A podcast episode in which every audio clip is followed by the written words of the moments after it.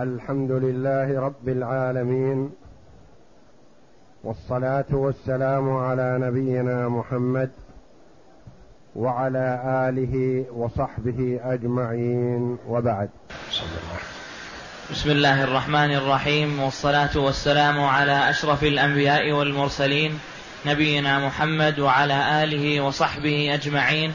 قال المؤلف رحمه الله تعالى فصل فإن غصب ثوبا فصبغه فلم تزد قيمة الثوب والصبغ ولم تنقص فهما شريكان. يباع الثوب ويقسم ثمنه بينهما. لأن الصبغ عين مال له قيمة فلم يسقط حقه فيها باتصالها بمال غيره. هذا الفصل في إدخال المغصوب إدخال الغاصب شيئا ما على المغصوب. فلا يخلو فإن لم يكن له قيمة فلا شيء للمغصوب للغاصب. كان يغصب ثوبا مثلا ويخيطه. أو يغسله أو يتصرف في تصرف بحيث لا يدخل فيه مالا. فكله بزيادته للمالك وليس للغاصب شيء. إذا كان المغصوب بيد الغاصب وأضاف إليه إضافة. أضاف إليه شيئا ما له قيمة. تقدم لنا إذا نجر الخشبة فلا أجرة له. نجر الخشبة وأصبحت باب كونها خشبة بعشرة. بعدما صارت باب صارت تساوي خمسين. كلها للمالك. وليس للغاصب مقابل عمله شيء. قماش يساوي عشرة. خاطه فأصبح يساوي خمسين. فكلها للمالك وليس للغاصب شيء. لأن تصرفه ليس مأذونا فيه فلا يستحق عليه شيئا. هذا الفصل الذي معنا الآن فيما إذا أدخل الغاصب على المغصوب عينا ما أدخل عليه شيئا ما. فلا يخلو. إن كان هذا المدخل له قيمة. وزادت قيمة المغصوب من أجل ما أدخل فيه. فالغاصب والمالك شريكان بحسب قسط ونصيب كل واحد منهما. فمثلا قماش قيمته عشرة صبغ بما قيمته عشرون. صارت هذه القطعة بعد الصبغ قيمتها خمسون. فنقول عشرة للمالك وعشرون للغاصب قيمة الصبغ. هذه ثلاثون. والزيادة عشرون للغاصب سهمان حسب قيمة صبغه. وللمالك سهم حسب قيمة ملكه القماش.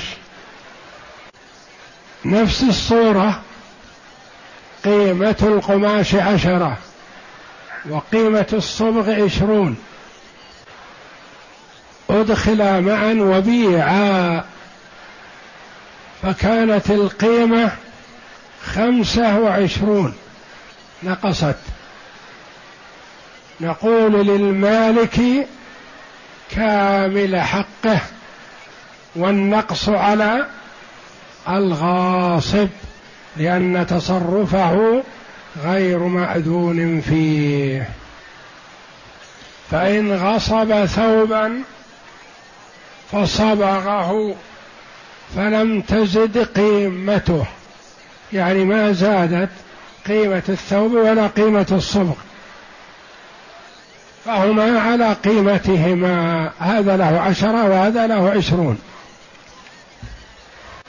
وإن زادت قيمتهما فالزيادة بينهما بالنسبة كما مثلنا في الخمسين. لأنها نماء ماليهما. نعم. وإن نقصت القيمة ضمينها, ضمينها الغاصب لأن النقص حصل بسببه. وإن نقصت القيمة كما مثلنا بالخمسة والعشرين فللمالك العشرة كاملة والنقص يكون على الغاصب. هو اشترى الصبغة بعشرين وقيمة القماش قبله بعشرة ثلاثون نعطي وبيعت بخمسة وعشرين يكون للمالك عشرة ويبقى خمسة عشر للغاصب. نعم. وإن زادت قيمة أحدهما لزيادة قيمته في السوق فالزيادة لمالك ذلك فإن كانت الزيادة بسبب زيادة العين في السوق سواء كانت عين مال المالك أو عين مال الغاصب فالزيادة له وحده. مثالنا السابق مثلا اشترى الصبغة بعشرين والقماش بعشرة وصار مجموع القيمة ثلاثون. بيعت هذه القطعة بأربعين. نقول ما سبب هذه الزيادة؟ قالوا لأن الصبغ الذي كان يباع بعشرين أصبح الآن يباع بثلاثين. زاد في السوق. والزيادة تكون لمن؟ للغاصب. إذا قلنا القماش بعشرة والصبغ بعشرين فصبغ فاجتمعا فبيعت بأربعين. القيمة ثلاثون لكن صارت أربعين الآن. لما؟ قالوا لأن هذا القماش الآن زادت قيمته في السوق. كان أول يشترى بعشرة الآن يشترى بعشرين. نقول إذا الزيادة لصاحب القماش الذي هو المالك. نعم. فالزيادة لمالك ذلك لأنها نماء ماله. نعم وإن بقيت وإن بقيت للصبغ قيمة فأراد الغاصب إخراجه وضمان النقص فله ذلك. لأنه عين ماله أشبه ما لو غرس في أرض غيره. نعم. ويحتمل بقيت؟ وإن بقيت للصبغ قيمة. بعدما صبغ وحكم على الغاصب برد المغصوب على المالك. قال اذا أريد آخذ الصبغ.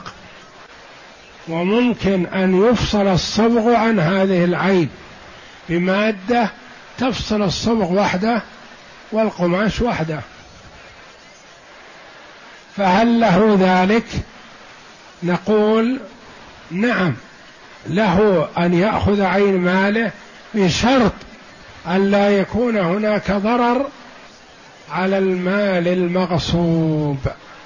فإن كان هناك ضرر بالغسل والإزالة فلا يوافق عليه. وإن لم يكن هناك ضرر فلا بأس أن يأخذ صبغه ويعطي العين المغصوبة لمالكها. ما مثال هذا؟ قال مثل ما لو غرس في أرض غيره. غرس في أرض غيره له قيمة الغراس الغاصب. لكن قال لا أنا ما أريد قيمة الغراس أريد أخلع الغراس. الغراس هذا نادر الوجود وأنا أحضرته من مكان بعيد. فانا أريد أن أخلع الغراس هذا وأحمله. نقول لا بأس. ما عين مالك؟ لا نظلمك. ولكن عليك بعد خلعه تسوية الحفر وتسليم الأرض كما استلأخذتها غصبا. فله ذلك لأنه عين ماله. نعم أشبه. أشبه ما لو غرس في أرض غيره ويحتمل ألا يملك ذلك لأنه يضر بملك المغصوب منه منه لنفع نفسه فمنع منه. بخلاف الأرض فإنه يمكن يقول ويحتمل ألا يقر على خلع الصبغ لأن خلع الصبغ يختلف عن خلع الغراس. خلع الإغراس تعود الأرض كما كانت. لكن خلع الصبغ لا بد أن يغسل بمادة خاصة مزيل أو نحوه يضر بالقماش فلا يقر. وإنما ينظر إن كان هناك ضرر على المالك فلا. فضرر الغاصب مغتفر لكن ضرر المالك لا. ضرر الغاصب مغتفر لأنه ليس لعرق ظالم حق. ضرر المالك لا ما يغتفر. فيقول مثلا إذا خلع الصبغ من هذا القماش ذهب جماله وحسنه ونقصت قيمته فلا يقر على هذا نعم. بخلاف الأرض فإنه يمكن إزالة الضرر بتسوية الحفر ولأن قلع الغرس معتاد بخلاف قلع الصبغ لأن خلع الغرس معتاد. المالك يخلع من هذا المكان وينقلها لمكان آخر ولا ضرر بخلاف قماش صبغ بنوع من أنواع الأصباغ. مثلا إذا أردنا قلع هذا الصبغ وخلعه في صعوبة فلا بد أن يتضرر القماش بهذا. فلا يقر على هذا. نعم. وإن أراد المالك قلعه ففيه وجهان أحدهما يملكه أحدهما يملكه ولا شيء عليه كما يملك قلع الشجر من أرضه والآخر لا يملكه لأن الصبغ يهلك به يهلك به أشبه قلع الزرع إذا أراد المالك قال أزل الصبغ هذا الذي وضعته في ثوبي أنا أريده أبيض وأن جعلته الآن أحمر ولا أبيعه هذا لي أنا أريد أن ألبسه. قال يحتمل أن يوافق على هذا ويقال للغاصب اخلعه. يقول يذهب. نقول وإن ذهب. ويحتمل ألا يلزم الغاصب بخلعه لأن عليه ضرر بذهاب عين ماله. فيحتمل أن يلزم الغاصب بالخلع ما دام المالك يقول اخلعه وأبعده عن مالي. ويحتمل أن لا يقر المالك على هذا لئلا يحصل الضرر على الغاصب بإزالة عين ماله وإنما يقال يباع وكل على سهمه وإن حصل ضرر على المالك فهو على الغاصب يدفع أرشه. وإن بذل المالك قيمة الصبغ ليملكه لم يجبر الغاصب عليه لأنه بيع ماله ويحتمل أن يجبر كما يملك أخذ زرع الغاصب بقيمته. وكالشفيع يأخذ غرس المشتري. وإن أراد المالك قال أنا آخذ الصبغ. وأدفع قيمة الصبغ للمالك للغاصب. قال فيه احتمالان.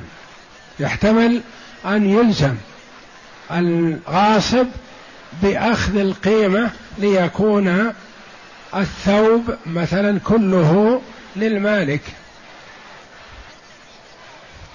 ويحتمل ألا يجبر على هذا. ويحتمل ألا يجبر لأن في هذا إجبار للغاصب بالبيع. والرسول عليه الصلاة والسلام يقول البيعان بالخيار. ولا يجوز إجبار مسلم على البيع إلا بحكم حاكم. إذا حكم الحاكم بإجباره بالبيع لسداد ديونه فيصح لكن من أجل المالك لا يملك إجباره. ويحتمل أن يجبر كما يملك أخذ زرع الغاصب بقيمته. يعني المالك يملك أخذ قيمة الزرع الذي في أرضه ولا يخلع وإنما يقال ثمنوه علي فيملكه. وكالشفيع انتبه يأخذ غرس المشتري. هذه مسألة ستأتي في باب الشفاء الشفعة. الرابع من أنواع الأخذ بالشفعة بنى أو غرس في في الشقص المباع قبل أخذه بالشفعة. في الكتاب الذي معي في صفحة 542 في باب الشفعة النوع الرابع. وكالشفيع يأخذ غرس المشتري. هذه ستأتي إن شاء الله. لكن الشفعة الشفيع يأخذ العين المباعة بقيمتها وما وضع عليها يأخذه بقيمته. صوره ذلك اثنان شركاء في أرض. أحدهما باع نصيبه النصف والآخر مسافر غايب. هذا المشتري تقدم للحاكم وطلب المقاسمة. فقاسمه الحاكم لأن الحاكم ينوب عن الغائب. فحاز المشتري الشقص الذي يخصه. وزرعه. زرع. قدم المالك الأول الشريك. فأخبر. فقيل إن شريكك باع على زيد. وإن زيد تقدم للمحكمة فقاسمه القاضي. وانفرد زيد بملكه. وزرعه. والآن زرع. فقال اشهدكم أنني آخذه بالشفعة.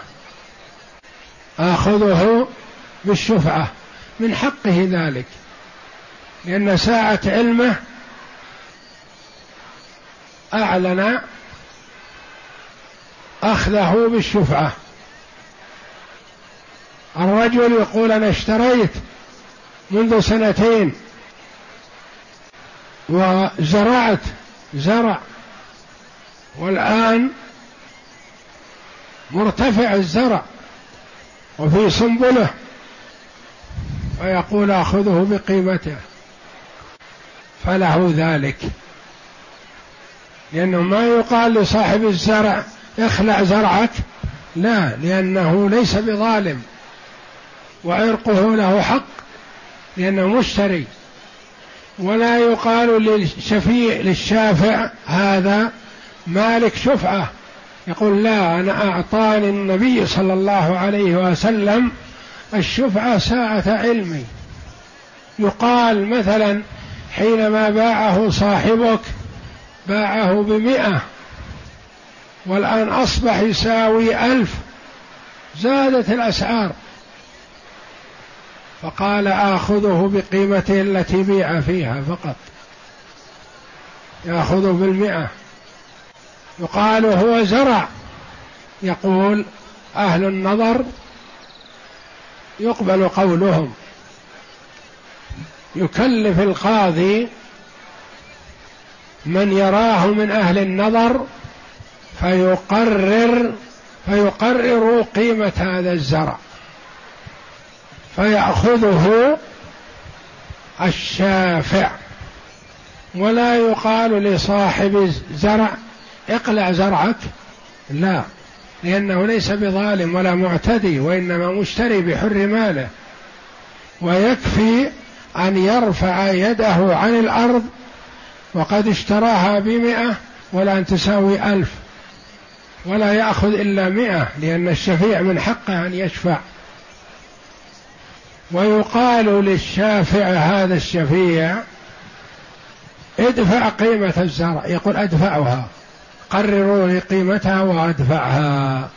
وهذا معنى قول المؤلف رحمه الله وكالشفيع يأخذ غرس المشتري بقيمته سواء زادت قيمة الأرض أو لم تزد. وهذا سيأتي إن شاء الله. نعم. وإن وهبه الغاصب لمالكه ففيه وجهان. أحدهما يلزمه قبوله لأنه صار صفة للعين فأشبه قصارة الثوب والآخر لا يلزمه لأن الصبغ عين يمكن إفرادها فأشبه الغراس. وإن وهبه الغاصب للمالك. قيل له اخلع صبغك. قال لا هو لكم. وأنا أتبرع به لصاحب العين الذي غصبتها. فهل يلزم المالك قبوله؟ قيل يلزم لأنه أصبح ملتصق بالعين فيأخذه يقبله.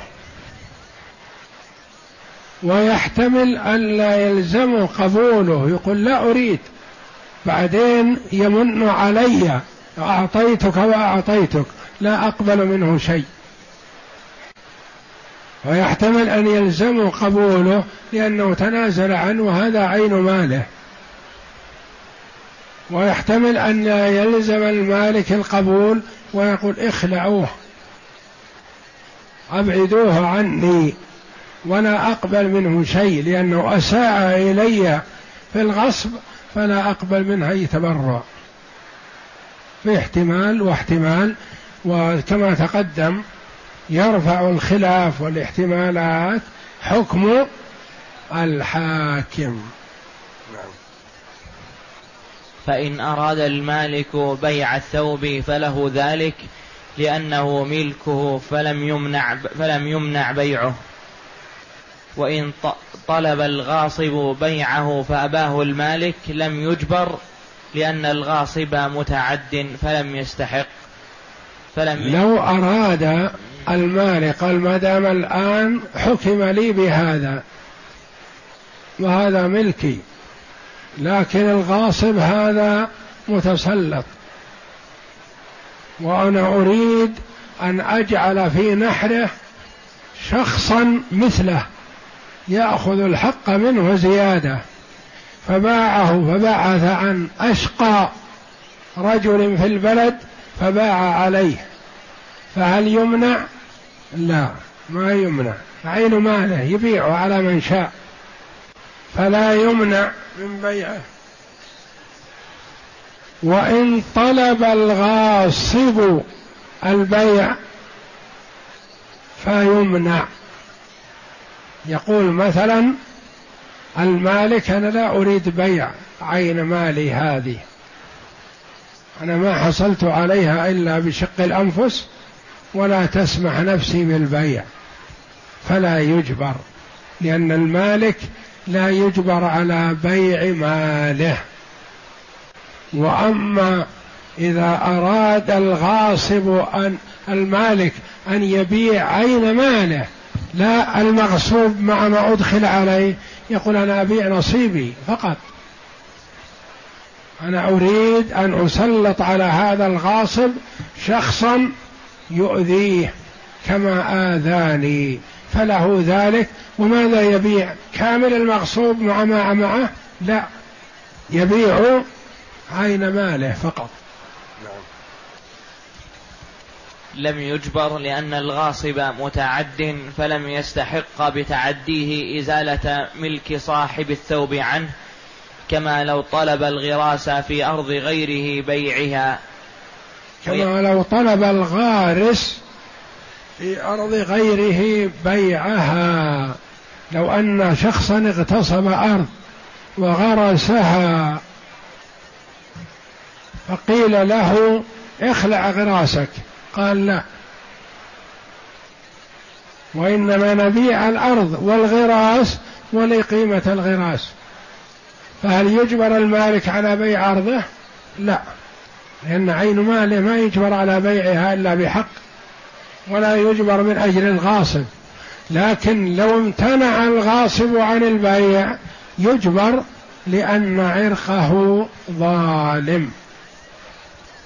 ويحتمل أن يجبر ليصل الغاصب إلى ثمن صبغه. ويحتمل أن يجبر المالك على البيع ليصل الغاصب إلى عين ماله. لأن في هذا رفق بحاله وعدم تضييع لماله. أما إذا أجبر فقد يبيعه برخص ونحو ذلك. المسائل الخلافية والتي فيها احتمالات. كما تقدم يرفع الخلاف حكم الحاكم. والله أعلم. وصلى الله وسلم وبارك على عبده ورسول نبينا محمد وعلى آله وصحبه أجمعين.